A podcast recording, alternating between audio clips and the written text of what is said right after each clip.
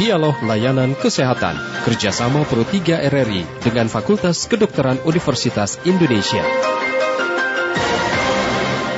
Pendengar, di dialog kesehatan pagi ini kita akan membahas bagaimana nyeri perut pada anak ini e, bisa e, sebagai indikasi begitu ya atau dicurigai ini menjadi penyebab usus buntu. Bersama dengan Dr. Tri Hening Rahayatri dari Divisi Bedah Anak Departemen Ilmu Bedah. Selamat pagi, Dok. Selamat pagi. Apa kabar? Baik, alhamdulillah sehat. Alhamdulillah ya, harus sehat-sehat kita ya dok ya. Insyaallah.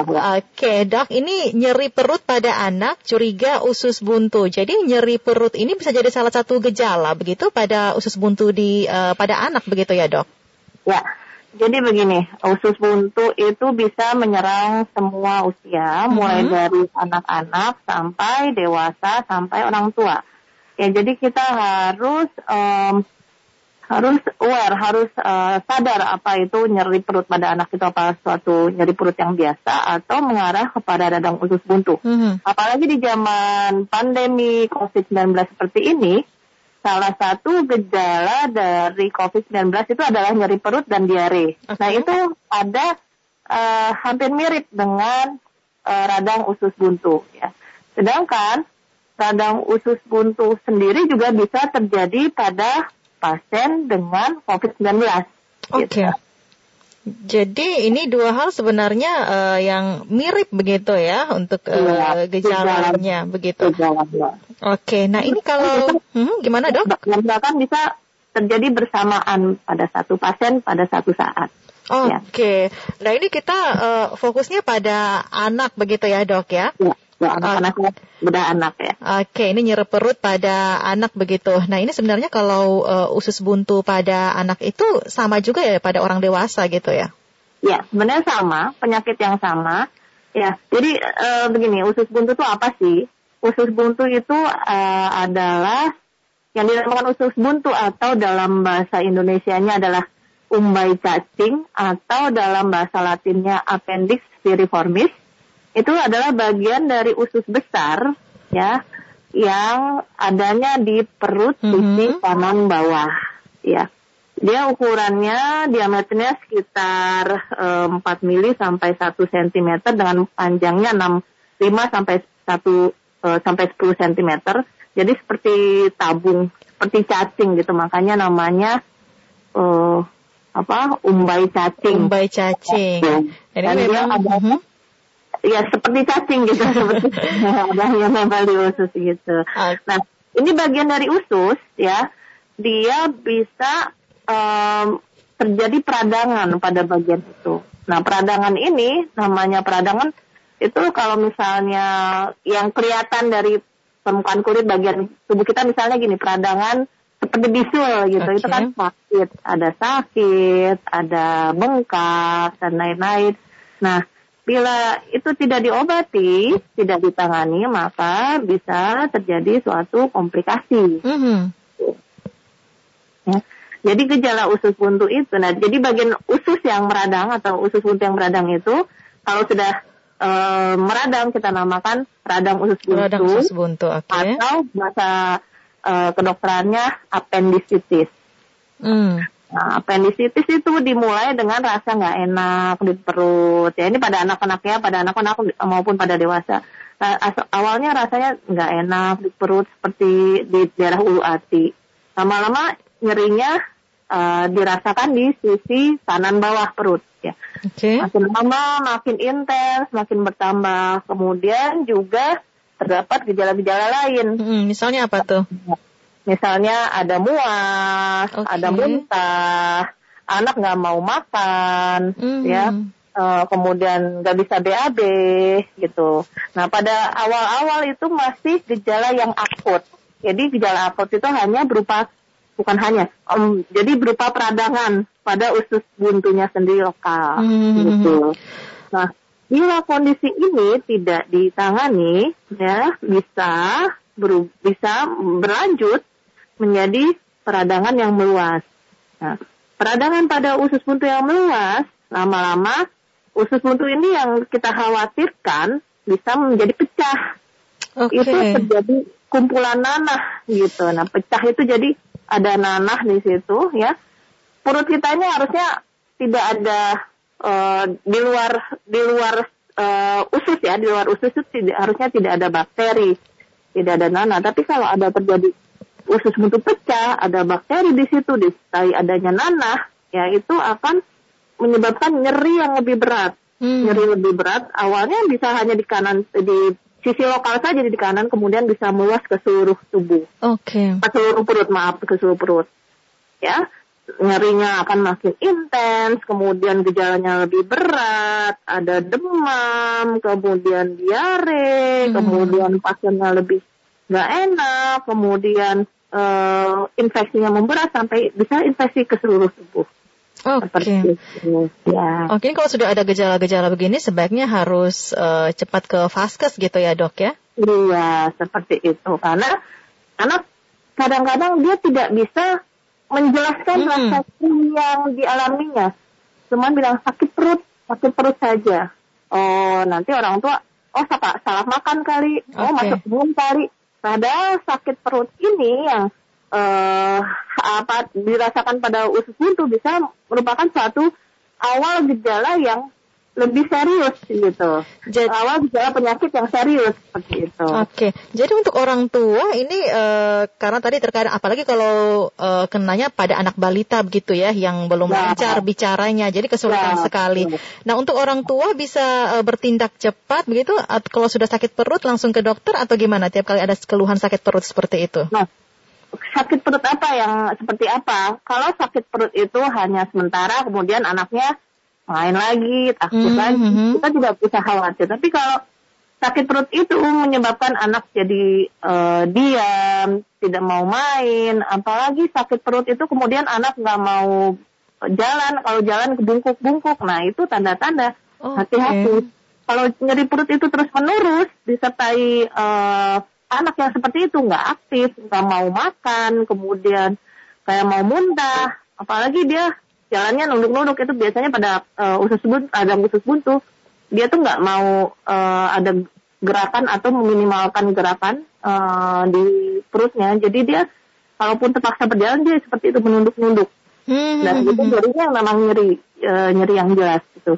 Walaupun kadang-kadang ada juga yang gejala yang nggak jelas, tapi kalau gejala nyeri yang terus menerus, maka orang tua harus uh, lebih aware dan dapat membawa anaknya ke fasilitas kesehatan gitu. Oke, nah ini dok, e, biasanya kalau ke fasilitas kesehatan sudah di atau ke dokter begitu ya, dikasih obat-obatan, terus dalam penggunaan obat-obatan itu kan ada juga yang e, kadang tidak berhasil begitu ya, dan harus operasi. Nah itu e, hmm.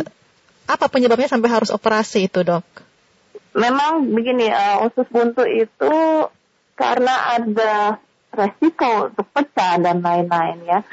Kalau uh, secara medis lebih baik di, ditangani dengan operasi gitu. Kenapa? Karena ada resiko usus buntu itu menjadi pecah begitu. Kalau misalnya dia uh, bisa membaik dengan antibiotik, ya nggak ada gejala, kita kadang bisa menunda ya tapi begitu ada gejala lagi, begitu dia nyeri perut lagi dengan e, gejala yang sama, maka kita tidak tidak e, menunda-nunda untuk tindakan operasi. Jadi okay. secara umum, secara e, mayoritas memang usus buntu itu diterapinya dengan operasi pengangkatan bagian usus buntu yang meradang tersebut. Oke, okay, jadi operasi mencegah usus buntu ini untuk pecah tadi ya dok ya? Iya. Oke, nah dok kita juga undang pendengar boleh ya bersama kita kalau ada yang mau ditanyakan langsung ke dokter ya dok ya. Iya baik. Oke, nah pendengar Anda bisa bergabung bersama kami di 021 352 3172 atau di 021 384 4545 dan di 021 386 6712 atau di WhatsApp 081 399 399 888. Ada yang ingin Anda tanyakan langsung uh, bersama uh, dokter pagi ini silahkan atau uh, ada yang belum Anda pahami juga silahkan langsung berkonsultasi dengan dokter uh, pendengar ya. Kita buka kesempatan ini sampai di pukul 10 waktu Indonesia Barat nanti terkait dengan nyeri perut pada anak. Ini curiga usus buntu. Nah, sudah ada Pak Udin dari Boyolali, uh, Bu Dokter ya. Selamat pagi Pak Udin. Selamat pagi, Assalamualaikum warahmatullahi wabarakatuh. Waalaikumsalam, Pak Udin. Kita pagi ini ya bersama dengan Dokter Tri ini. Ya, Ibu Caroline, Ibu Dokter Tri ya, Dokter uh, Dokter apa tadi? Dokter ahli uh, bedah oh. anak ini. Oh, ahli bedah anak ya. Salam, salam sehat semangat. Uh, kalau uh, saya itu suka makan mie goreng mentah gitu bumbunya dicampurin gitu itu bahaya untuk perut tuh apa kayak gitu untuk gimana Pak Udin suka makan apa tadi mie goreng mentah mie goreng mentah ya? ya demikian terima kasih. Wassalamualaikum warahmatullahi wabarakatuh. oke terima kasih Pak Udin di Boyolali ya. Oke, ya. uh, Bu Dokter mungkin bisa ditanggapi langsung ini. Iya, um, gini Pak, uh, mie instan itu yang berbahayanya adalah pengawet dan kandungan garam yang tinggi di mie instan ya. Jadi itu kandungan garamnya pasti ada di bumbunya. Nah, sedangkan mentahnya sendiri bahaya atau tidak itu tergantung e, mie itu bersih atau tidak. Itu kita tidak bisa menjawab. Pasti bapak sendiri yang bisa menjawab.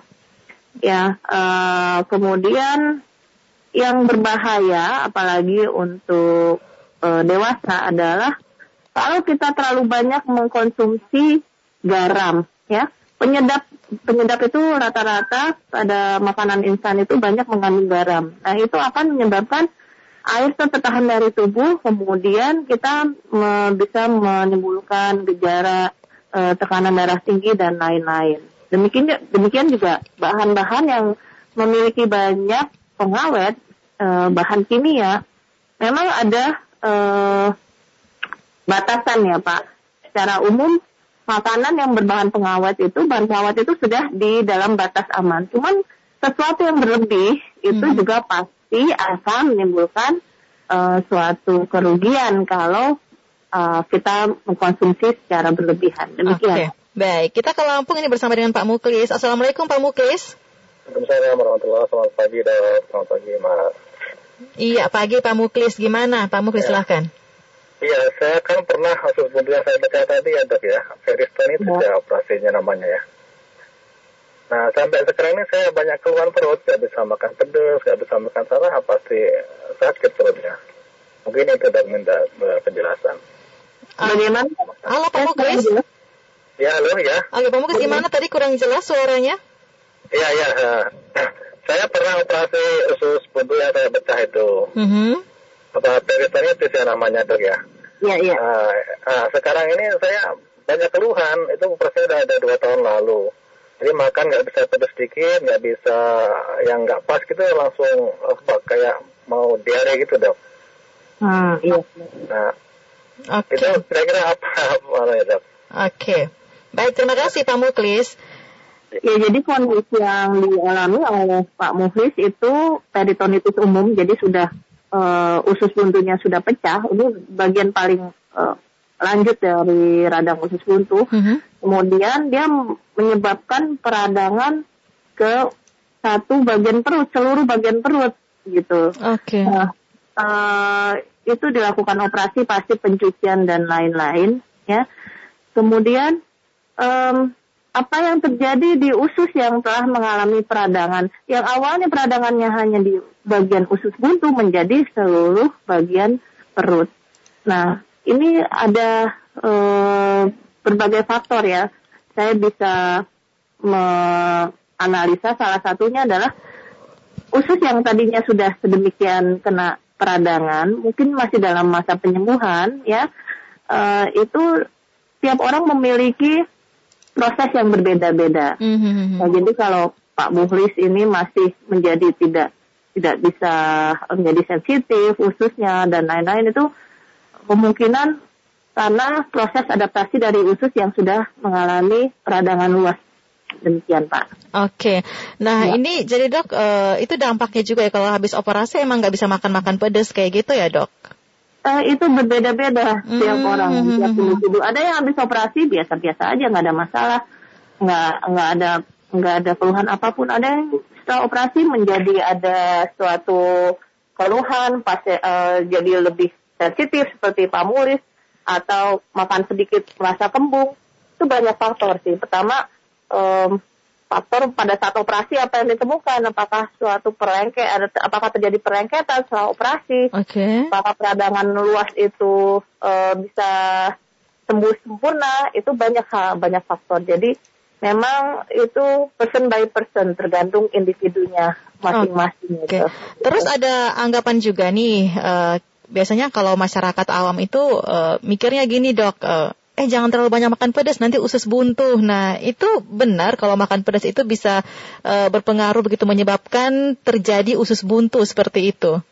Ya, ini um, kalau zaman dulu itu dibilang ya usus buntu itu karena uh, cabai-cabai itu mm -hmm. cabenya masuk ke oh, iya betul dok ya membuat uh, sumbatan. Sebenarnya gini penyebab radang usus buntu itu ya apa pun yang menyebabkan sumbatan bisa menyebabkan radang usus buntu. Yang paling banyak itu kalau misalnya ada uh, kotoran mm-hmm. ya feses itu yang bagian feses itu masuk ke sana uh, kemudian mengeras. Kemudian juga uh, usus buntu itu memiliki kelenjar-kelenjar, kelenjar getah bening pada pangkalnya. Kalau ada suatu peradangan apa pun penyebabnya itu entah itu uh, virus atau apa pun, kelenjar getah bening itu bereaksi pada tubuh itu bereaksi dengan uh, memberikan perlawanan kan kemudian dia bisa uh, membesar. Contohnya seperti ya hampir sama dengan uh, kejadian ini adalah pada uh, amandel. Kan kalau uh, ada radang amandelnya besar. Nah, seperti mm -hmm. itu bagian-bagian yang di ada di usus buntu bisa seperti itu. Nah, di bagian usus buntu kemudian uh, kelenjarnya membesar, dia menyebabkan sumbatan, kemudian meradang si seluruh usus buntunya. Jadi ada juga yang mengatakan bahwa makanan pedas itu bisa menyebabkan radang usus buntu. Kemungkinan salah satu uh, mekanismenya adalah dengan menyebabkan peradangan dan menyebabkan si kelenjar-kelenjar uh, yang di usus buntu itu membesar di organ usus buntunya membesar dan menyebabkan sumbatan. Demikian. Okay, Jadi masih, masih mungkin bisa terjadi karena pedas yang berlebihan, kemudian ada reaksi di dalam usus dan mm-hmm. menyebabkan radang usus buntu seperti itu. Baik, oke kita ke Ibu Sarah juga dari Kupang. Ini selamat pagi Ibu Sarah. Iya, selamat pagi Bu, Mbak Caroline ya. Iya, dengan Caroline dan juga Dokter Tri di sini dok, uh, Bu Sarah. Selamat pagi dokter. Ya, selamat pagi. Nah, ini saya mau tanya, apa benar ya uh, makan mie instan itu bikin, bikin, bisa bikin usus buntu gitu dan lambung jadi semakin parah gitu. Ya. Oke, ini mirip tadi dengan pertanyaan Pak Udin gitu ya. ya. Makasih Bu Sarah. Terima kasih.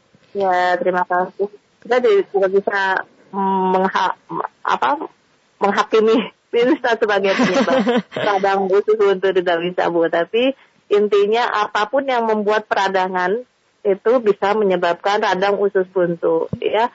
Kalau misalnya ke lambung oh, untuk untuk ke lambung memang eh, mie instan itu